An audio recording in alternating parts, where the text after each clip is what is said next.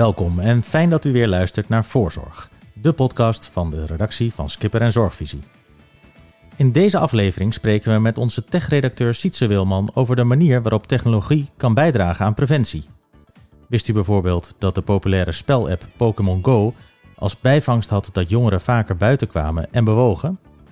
En wat te denken van het onderzoek naar gezonde mensen om beter te kunnen voorspellen wie er ziek wordt en wie niet?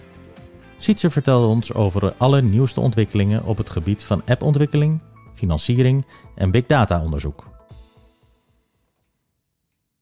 Sietse, welkom. Dankjewel. Jij hebt weer een flink artikel geschreven voor ons Tech Magazine.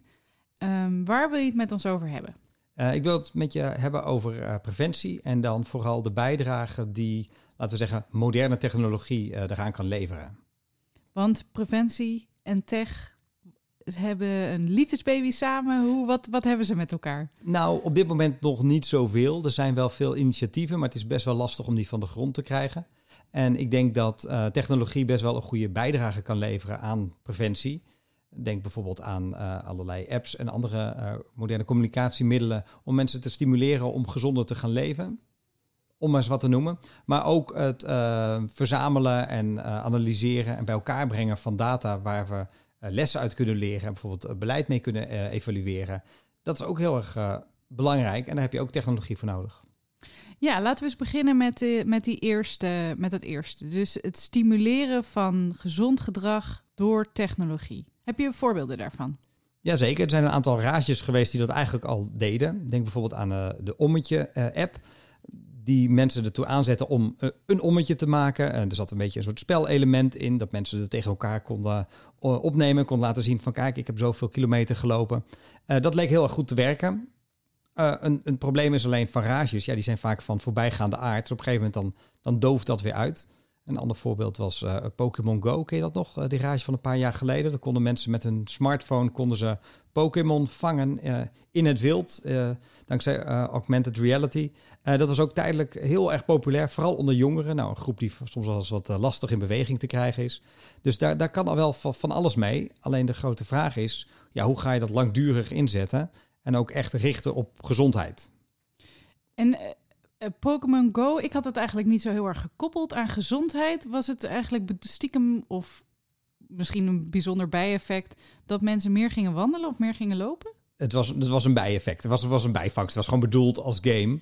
Ja. En net als uh, de Wii bijvoorbeeld, hè, die, uh, die spelcomputer waarmee je moet bewegen om dat daadwerkelijk aan te kunnen sturen. Mm -hmm ja, je had natuurlijk wel programma's als de Wii, Fit en zo. Uh, dus dat, dat er werd er een soort gezondheids- en bewegingslaagje overheen gedaan. Maar uiteindelijk was het gewoon bedoeld voor entertainment en om leuke gekke dansjes en sporten te doen in je huiskamer. Maar ook dat is inmiddels weer behoorlijk uh, uit beeld verdwenen. Dus het wachten is een beetje op de volgende rage, maar vooral op een manier om dat langdurig in te zetten en ook echt gericht op ja, preventieve maatregelen, zou ik maar zeggen. Dat is echt, echt um, echt doelgerichte interventies eh, mee te doen. En mensen echt te helpen om uh, structureel betere keuzes te maken. En zit je naast apps uh, zoals dus deze Ommetjes-app en dan de, de Pokémon Go-app... zijn er ook nog andere manieren waarop technologie kan bijdragen aan het gezonder leven? Uh, dat denk ik wel. Je kunt ook op die manier makkelijker contact houden met bijvoorbeeld een coach die jou helpt. Die kan op afstand natuurlijk makkelijk inbellen of, of via beeldbellen dingen doen... Uh, zo zijn er best wel veel mogelijkheden om dat uh, te stimuleren. Alleen je moet eigenlijk nog een beetje gaan uitzoeken wat er nou werkt. En, en waar mensen nou echt door gemotiveerd zijn. Uh, en ook wat er nodig is. We hebben het nu over bewegen, maar gezonde voeding is natuurlijk ook belangrijk. Of stressreductie, of gezond slaappatroon. Noem allemaal maar op. Ja, ik zie je namelijk aan jouw uh, pols ook een uh, stukje technologie. Dat klopt, ja. Nou ja, ik, ik heb inderdaad zo'n uh, gezondheidshorloge. Ik zal het merk niet noemen, maar ja, daar krijg ik ook, ook feedback van. En dan kan ik bijvoorbeeld inzicht krijgen in mijn slaap. en dat vind ik zelf wel, wel interessant. En als ik een keer een stukje ga hardlopen, wat ik minder vaak doe dan ik zou moeten doen, dan zie ik in ieder geval hoe mijn hartslag was. Um, en dat soort dingen zijn, zijn er eigenlijk allemaal wel. Die technologie is er al wel. Maar voor een groot deel uh, is dat nu ook, uh, wordt het nu ook uitgebuit, of uitgebaten moet ik eigenlijk zeggen, door uh, de grote technologiebedrijven. Dus Google heeft Fitbit, Apple heeft de smartwatch. dat gebruiken ze allemaal, maar dat zijn natuurlijk commerciële bedrijven die hebben niet als doel om de volksgezondheid eh, te verheffen. Die hebben uiteindelijk als doel om eh, geld te verdienen. Um, maar daarom ontwikkelen ze wel hele interessante technologie.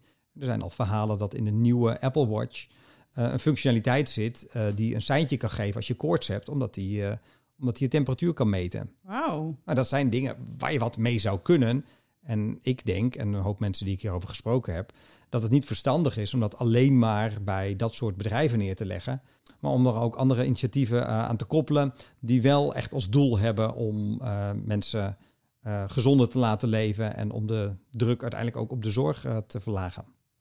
Ja, inderdaad. Je zei al van willen we het overlaten aan Google of, of Apple of welke uh, tech-giganten er dan ook uh, uh, maar zijn. Zijn we denk je in staat om, ja, als we meer vanuit een maatschappelijk, ehm, vanuit een maatschappelijk perspectief dit gaan aanvliegen, als we het vanuit de politiek of misschien zorgverzekeraars of de zorg met z'n allen, zijn we daar nog in staat om een tegenbeweging of een bijdrage aan te leveren?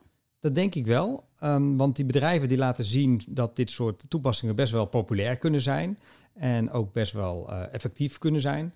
Maar ik denk dat er ook een hoop mensen zijn die zij niet bereiken. Die bijvoorbeeld niet het geld hebben om zo'n duur uh, horloge te kopen of om zo'n programma te doen. Of daar helemaal niet voor gemotiveerd te zijn. Uh, omdat ze niet tot de primaire doelgroep behoren.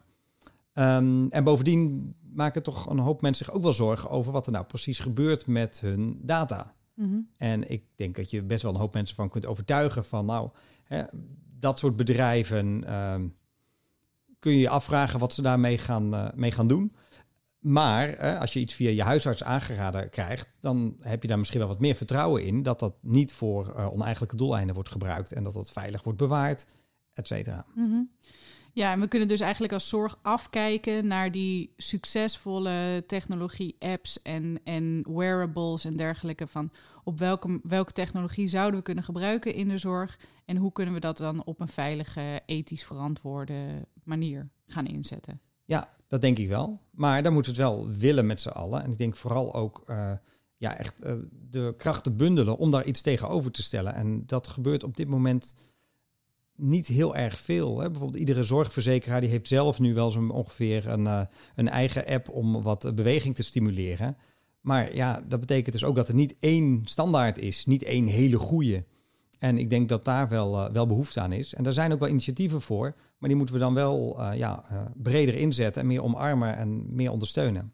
Wat voor initiatief zit je dan aan te denken? Nou, een heel mooi voorbeeld is Ancora Health. Dat is een Nederlandse start-up. En zij hebben een gezondheidsplatform uh, ontwikkeld met allerlei verschillende datapunten. Dus je kun je echt heel erg monitoren voor, heel, um, uh, voor je levensstijl. Eigenlijk gewoon hoe het met je gaat, waar verbeteringen mogelijk zijn. En ook uh, gebaseerd op wat je zelf, zelf wilt. Mensen zijn vaak bang dat het heel erg betuttelend is. dat kunnen ze wel enigszins, enigszins ondervangen. En ze koppelen dat ook aan coaching. Dus er zit ook een menselijk aspect aan. Dus je hebt ook contact met iemand die je erbij helpt. Bijvoorbeeld jouw doelen om gezonder te eten. Uh, of je die ook daadwerkelijk maakt. Of je, of je ook echt die gezondere uh, keuze maakt. En zo niet uh, waar dat dan door komt. Alleen, ja, zo'n platform en alles wat erachter zit, alle mensen die erbij komen kijken, dat kost natuurlijk geld. En dat heeft hen er eigenlijk toe, toe gedwongen haast om zich aanvankelijk primair op werkgevers te richten. Mm -hmm. En mensen die denken van nou, wij willen het ziekteverzuim in ons bedrijf omlaag krijgen. We willen graag gezonde, blije medewerkers. Dus laten wij hier maar in investeren. Uh, er is wel een ziekenhuis geweest dat, dat erin heeft geïnvesteerd, maar als werkgever. Niet voor de patiënten, maar voor de werknemers. Mm -hmm. um, de eerste resultaten zijn best wel positief, maar het, ja, de enige mensen die zij nu op dit moment dus eigenlijk bedienen, dat zijn mensen met een baan. En ook nog met zo'n baan dat ze een werkgever hebben die hier geld voor heeft en voor over heeft. En dat betekent natuurlijk dat een hele hoop mensen ook buiten de boot vallen. Met name uh, mensen die bijvoorbeeld geen werk hebben of die uh, laag betaald uh, werk hebben. Of gepensioneerd um, zijn. Of gepensioneerd zijn. En dat zijn, zou ik zeggen, nou juist de mensen die je graag wilt bereiken. En ja, dan moet er dus iemand anders zijn hand voor opsteken en zeggen van nou, daar wil ik wel een deel van de rekening voor oppakken. En dat gebeurt maar mondjesmaat. Uh, ja, want financiering is best wel een struikelblok met de inzet van technologie in preventie, toch? Ja, nee, dat klopt. sowieso bij, bij preventies. eigenlijk de, de opbrengsten zijn voor iedereen. Dus ja, waarom zou dan één specifieke partij daarvoor uh, de rekening moeten, moeten oppakken? Dat is wel eens wat, uh, wat lastig en het zijn moeilijke, moeilijke gesprekken uh, af en toe. Dat hoor je ook terug bij zorgverzekeraars. Ik heb bijvoorbeeld met twee mensen van mensen daarover gehad. Die ook zeggen van ja, wij worden wel gevraagd om van alles te financieren.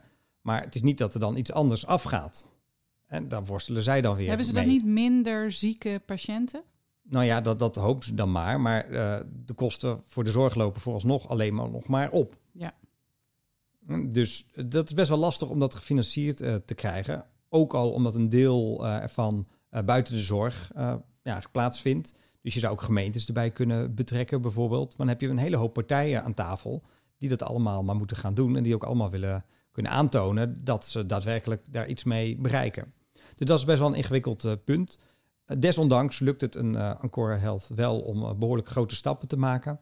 Dus de Rabobank heeft er enkele miljoenen in geïnvesteerd. Ze werken sinds begin dit jaar samen met de Universiteit Twente, die daar onderzoek ook mee gaat doen. Dus het, het, lukt ze langzamerhand wel om wat voet tussen de deur te krijgen, maar het is best wel, best wel ingewikkeld voor ze geweest. De Rabobank, dat is een bank. Waarom investeren zij hierin? Is dat rendabel? Of? Nou, ja, ze zijn natuurlijk geen liefdadigheidsinstelling, nee. maar uh, ze doen veel aan gezondheidszorg. Ik heb ook een uh, interview gehouden met uh, Michel van Schaik. Hij is directeur gezondheidszorg bij de Rabobank. Um, en het is niet dat zij hiervan verwachten dat ze er nou enorme rendementen, rendementen uit gaan halen. Maar wel dat het ja, het nodige kan opleveren als die technologie nog heel succesvol is en zo'n start-up kan internationaal gaan, wie weet uh, waar, het, uh, waar het eindigt. Mm -hmm. Maar ze doen het ook deels uh, uit maatschappelijke overwegingen. Dat ze zeggen van, we willen eigenlijk alle, allerlei projecten waarvan iedereen zegt, waarom doen we dat nou niet? Proberen ze ook te stimuleren. Ze hebben zich ook actief bemoeid met het Fit for Surgery programma in het Radboud. Het hele idee van als we mensen die een operatie moeten ondergaan nou vooraf flink goed in vorm krijgen, dan komen ze er ook weer beter uit die operatie. Hoeven ze minder lang in het ziekenhuis te liggen, voelen ze zichzelf beter. Eigenlijk voor iedereen goed. Nou, de Radboud heeft een aantal proeven mee gedaan. Daar, lieten, er kwamen hele mooie resultaten uit. Vervolgens was het voor hen lastig om op te schalen, omdat ze, ja, ze kregen het niet gefinancierd. En er staat geen, er staat geen vergoeding voor. En wat de Rabobank toen gedaan heeft, die heeft meegeholpen om een impactanalyse te maken, om allerlei partijen om tafel te krijgen, om ze van te overtuigen van dit is echt een goed idee, dit moeten we gaan doen. Ja, ik heb uh, Michel ook gevraagd van wat zegt het dat jullie als bank die rol moeten spelen? En van ja, dat het systeem blijkbaar niet zo is ingericht dat het dat zelf oppakt. En ik denk dat dat wel een, uh, een probleem is bij dit onderwerp. Oh, interessant inderdaad, want ze hebben daar zelf dus niet in geïnvesteerd, maar ze hebben vooral gefaciliteerd dat er financiën komt. Ja. Maar goed, dat was een beetje een zijpaadje, maar het heeft ook eigenlijk ook met preventie uh, te ja, maken. Ja, maar het laat ook wel zien wat de Rabobank doet. Dus in die zin is het best wel interessant wat voor rol zo'n bank zou kunnen, of speelt, niet alleen zou kunnen, maar speelt in, ja, in dit hele ingewikkelde veld. Ja, dat vind ik ook. Maar ik denk ook ja, dat het wel iets zegt dat blijkbaar er een bank voor nodig is om dat van de grond te krijgen. Dat vind ik ook wel een. Uh... Wat zegt het dan, wat jou betreft? Nou ja, ik vind het wel uh, een, een, een manco in het systeem blootleggen. Want waarom lukt dat zelf niet? Als mensen die er verstand van hebben, het erover eens zijn dat iets een goed idee is, dat eigenlijk iedereen er beter van wordt, zitten eigenlijk niet echt nadelen aan. Je moet er alleen een beetje in investeren om mensen uh, ja, fit, fit te krijgen en op zo'n programma uit te rollen. En je moet dat natuurlijk allemaal goed kunnen monitoren en Mhm. kunnen aantonen dat het daadwerkelijk werkt. Maar als dat zo is, dan zou een systeem zo in elkaar moeten zitten dat dat ook breder uitgerold kan worden. Ja. Maar dat is op dit moment niet zo, want ja, het is, het is eigenlijk geen zorg. Maar het is gelukt om dit programma te financieren, Ja. ook bij andere ziekenhuizen. Nou, nee, binnen het Radboud hebben we Oh, het alleen binnen nog maar het over. Radboud. Ja. En het zou zomaar kunnen, dat als we dat bij andere ziekenhuizen gaan doen, dat het dan het hele verhaal weer van vooraf aan begint. Maar goed, dat, eh, dat weet ik niet precies. Ja, want eh, over die struikelblokken in de financiën. Hè, we- dit horen we inderdaad vaak. Bij preventie is het heel lastig. De zorgverzekeringswet is eigenlijk een schadevergoedingswet. Dus ja, als er geen schade is omdat je er vooraf bij bent, is het lastig financieren voor de zorgverzekeraars. Ehm, eh, gemeenten die hebben al heel veel op een bordje, hebben weinig geld. Heb je, een- heb je iemand gesproken die een interessant inzicht had over hoe we er ook naar kunnen kijken? Naar die financiële, ja, de financiering van preventie? Nou, ja, als in er zijn wel wat ideeën die rondgaan. Hè. Een daarvan is eh, populatiebekostiging. dus wordt zeggen van nou, we gaan naar een bepaalde groep mensen toe. En eigenlijk iedereen die in de zorg eh, werkt, krijgt daar één budget voor om die groep mensen gezond te houden. En niet alleen maar gezond te maken. Dat is natuurlijk wel een hele interessante eh, gedachte. de mensen van mensen die ik erover gesproken heb, die waren er ook wel erg voor. Die zei ook, ja, dan is het ineens logisch om wel in Ja. zo'n platform te, te Ja. investeren en er wel geld in te steken. Eh, Michel van Schaik van de Rabobank was juist even wat kritisch. Die zei van ja, dan krijg je toch al gauw weer dat het geld weer naar dezelfde partijen gaat als altijd. En hij eh, is erg voor eh, om juist in vernieuwers te investeren. Juist geld te steken in, in start-ups en mensen die er echt met een frisse blik naar kijken. En vanuit daar wel de verbinding zoeken met de zorg. Maar vanuit hun eigen visie ermee aan de slag te gaan om echt een verandering op gang te brengen. En dan hebben we nog in het hele preventieverhaal ook nog het onderzoekgedeelte. Dus eh, data verzamelen, kijken wat werkt nou eigenlijk, wie wordt er ziek. Daar heb je ook eh, meerdere mensen over gesproken, toch? Eh, ja, dat klopt. Ik heb het daar onder andere over gehad met Jochem Miro. Hij is hoogleraar aan de Rijksuniversiteit Groningen. Hij is ook oprichter van Population Health Data NL.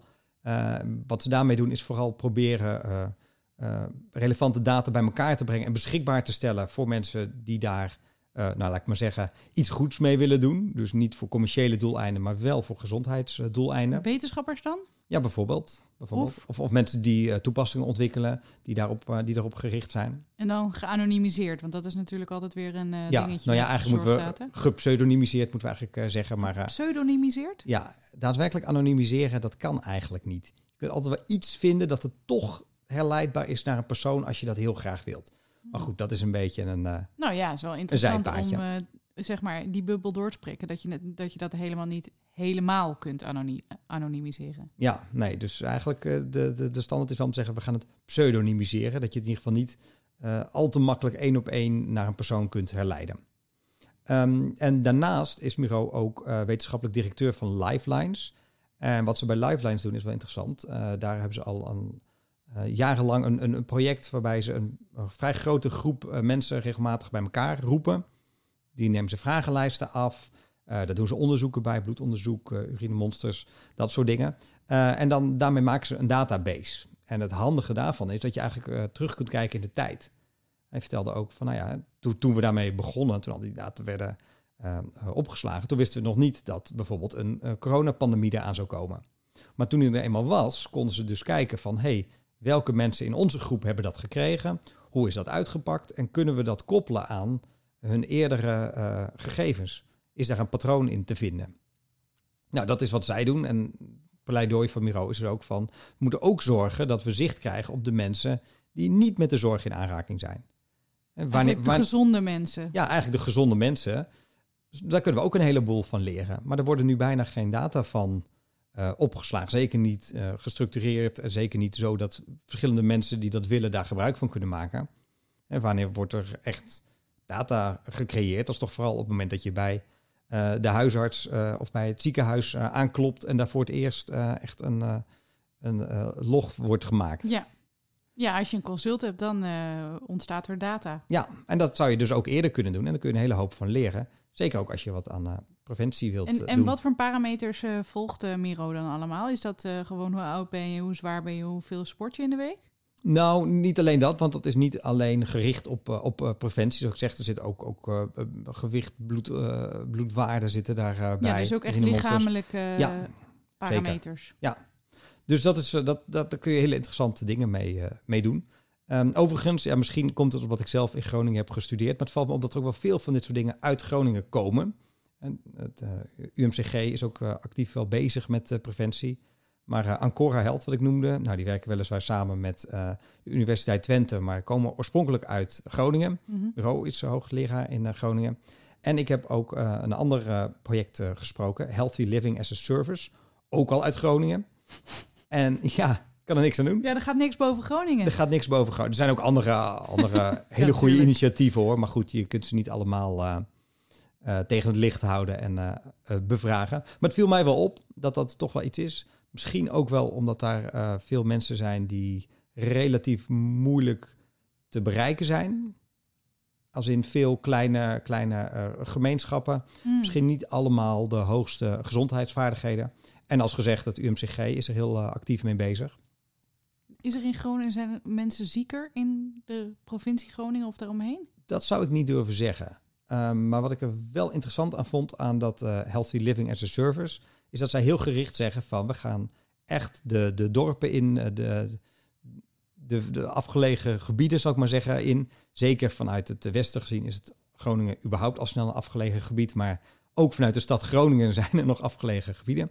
En juist de mensen uh, opzoeken die normaal gesproken een beetje buiten beeld blijven.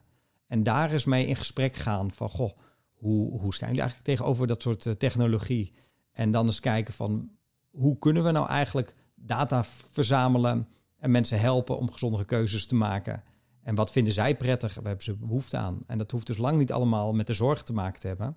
Kan ook te maken hebben met, hey, het scheelt enorm als een gemeente zorgt voor veel groen, want dan gaan mensen er liever op uit en dan krijgen ze frisse lucht binnen en bewegen ze. En dat is, dat is goed, dat helpt hun gezondheid. Klinkt ook wel weer heel erg gedacht vanuit de Randstad. Ik denk dat ze juist in die afgelegen gebieden niet zo'n uh, tekort hebben aan groen. Nee, oké. Puntje voor jou, puntje voor jou. Yes! Um, een ander voorbeeld dat uh, Claudine Lamotte mij gaf, en zij is dus uh, algemeen wetenschappelijk directeur van dat initiatief Healthy Living as a Service. Um, is dat ze zegt, het kan ook gaan om bijvoorbeeld een buurthuis. Wat staat daar op het menu? Misschien moet daar een gezondere snack komen. Het kan ook gaan om stress bijvoorbeeld. Hè? Dus als mensen zorgen hebben, nou zeker hè, als we het hebben over Groningen. Ik denk dat een hele hoop mensen daar ontzettend veel stress en zorgen en verdriet hebben vanwege alle aardbevingen. Ja, dat, dat heeft ook invloed op je welzijn. En dat, ook dat is preventie. En zij is zelf van huis uit bewegingswetenschapper. Maar ze kijken veel breder dan, dan bewegen alleen. Ja, je hebt je nu bezig gehouden met dus preventie en technologie. Je bent natuurlijk onze tech-redacteur. Ja. Um, en preventie is, is hotter en hotter. Uh, er zijn nog een beetje twee vragen die bij mij overblijven. Als je nou, je zegt van ja, preventie heeft met veel meer te maken dan alleen met zorg. Um, en de zorg zou eigenlijk ook samen moeten gaan werken of connecties, verbanden aan moeten gaan met, uh, met andere gebieden in de maatschappij. Want als ik het zo hoor en we gaan deze mensen, we gaan, op, we gaan de dorpen in om te vragen wat voor zorg of ondersteuning mensen nodig hebben, creëer je dan juist niet veel meer zorgvragen in plaats van dat je juist personeel efficiënter inzet en minder zorgvragen krijgt omdat je er vroeger bij bent? Dat is een eh, interessante vraag. En terecht ook wel, denk ik. ik noem wel als voorbeeld uh, van die, uh, de Apple Watch die ook je temperatuur gaat meten. Ja, als die jou een, een, automatisch gegenereerd seintje gaat geven van... hey, misschien heb je wel koorts, bel je huisarts. Daar zit die huisarts natuurlijk niet, niet op te wachten. Toch denk ik dat het wel daadwerkelijk kan helpen om die zorgvraag juist omlaag te krijgen. Omdat je wilt dat mensen structureel gezonder gaan leven, fitter erin zijn. En over het algemeen is het ook zo dat als je er eerder bij bent als je eerder kunt constateren dat er iets aan de hand is, dan is het vaak ook makkelijker om in te grijpen. En dan zijn mensen nog minder ziek, zijn ze nog in betere eh, conditie en gezondheid. En ik denk dat dat uiteindelijk weer tot minder zorg kan leiden. Als je zorgt dat mensen, uh, uh, ja, als je, als je tijdig weet wat artsen kunnen gaan doen, als er misschien iets aan de hand is, dan kun je er ook voorkomen dat het erger is. En dan blijft misschien eh, de zorg bij de huisarts eh, steken en hoeft hij niet naar het ziekenhuis. Ja, kunnen alle specialisten omscholen tot huisarts. Nou, bijvoorbeeld. hey, en um, die andere vraag was, uh, je hebt heel veel initiatieven, technologie, uh, apps, uh, toepassingen langs zien komen de laatste tijd. En misschien onderschatten wij, omdat we er dus de hele tijd over schrijven, um, wel eens hoeveel technologie toegepast wordt in de praktijk. Als je nou een tip geeft, even een tipje op het einde. Als je een tip zou geven aan de zorgverleners die luisteren of bestuurders die luisteren, zijn er één of twee um, apps of, of, technologische toepassingen die je tegen bent gekomen waarvan je denkt, oh, die moet echt elke zorgorganisatie moet deze gaan gebruiken. Dat zou heel mooi zijn als ik dat nu paraat had. Ja, doe, doe de reclame. Ja, dat zou ik heel fijn vinden. Het zou ook goed zijn voor mijn aandelen die ik uh, niet heb, wil ik toch even gezegd hebben, in dat soort, uh, dat soort uh, bedrijven. Maar ik denk dat we zover eigenlijk nog niet zijn. Ik denk dat die nog ontwikkeld moeten worden. En dat het daarvoor juist belangrijk is om um, ja, met mensen te praten. En niet alleen maar te focussen. Daar heb ik eerder ook eens een artikelenreeks over gemaakt. En ook een podcast over opgenomen overigens niet alleen focus op de mensen die zich toch al redden, omdat ze digivaardig zijn, omdat ze uh, scherp zijn op hun eigen gezondheid, uh, omdat ze mondig zijn, maar ook op de mensen die juist een beetje buiten de boot vallen. En dat sprak mij persoonlijk wel heel erg aan in dat Healthy Living as a Service. Zeggen we gaan echt met mensen in gesprek om te kijken wat kunnen ze al en wat vinden ze prettig. Ze hebben ook kunstenaars ehm, aan boord om, om dat gesprek aan te gaan. Om op een andere manier naar technologie te kijken en ook echt zich te verplaatsen in ja, wat mensen prettig vinden en hoe we ze kunnen helpen. In plaats van alleen maar hè, vanuit de zorg of vanuit de zorgprofessional uh, te denken van dit is nodig.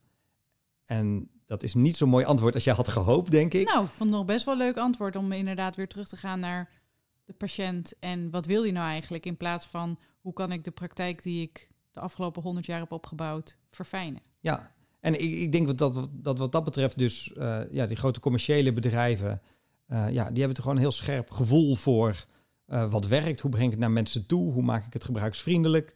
Alleen goed, ja, daar zitten wel een aantal andere nadelen aan waar je wel kritisch op moet blijven. Maar ik denk dat je er wel een hoop van kunt leren.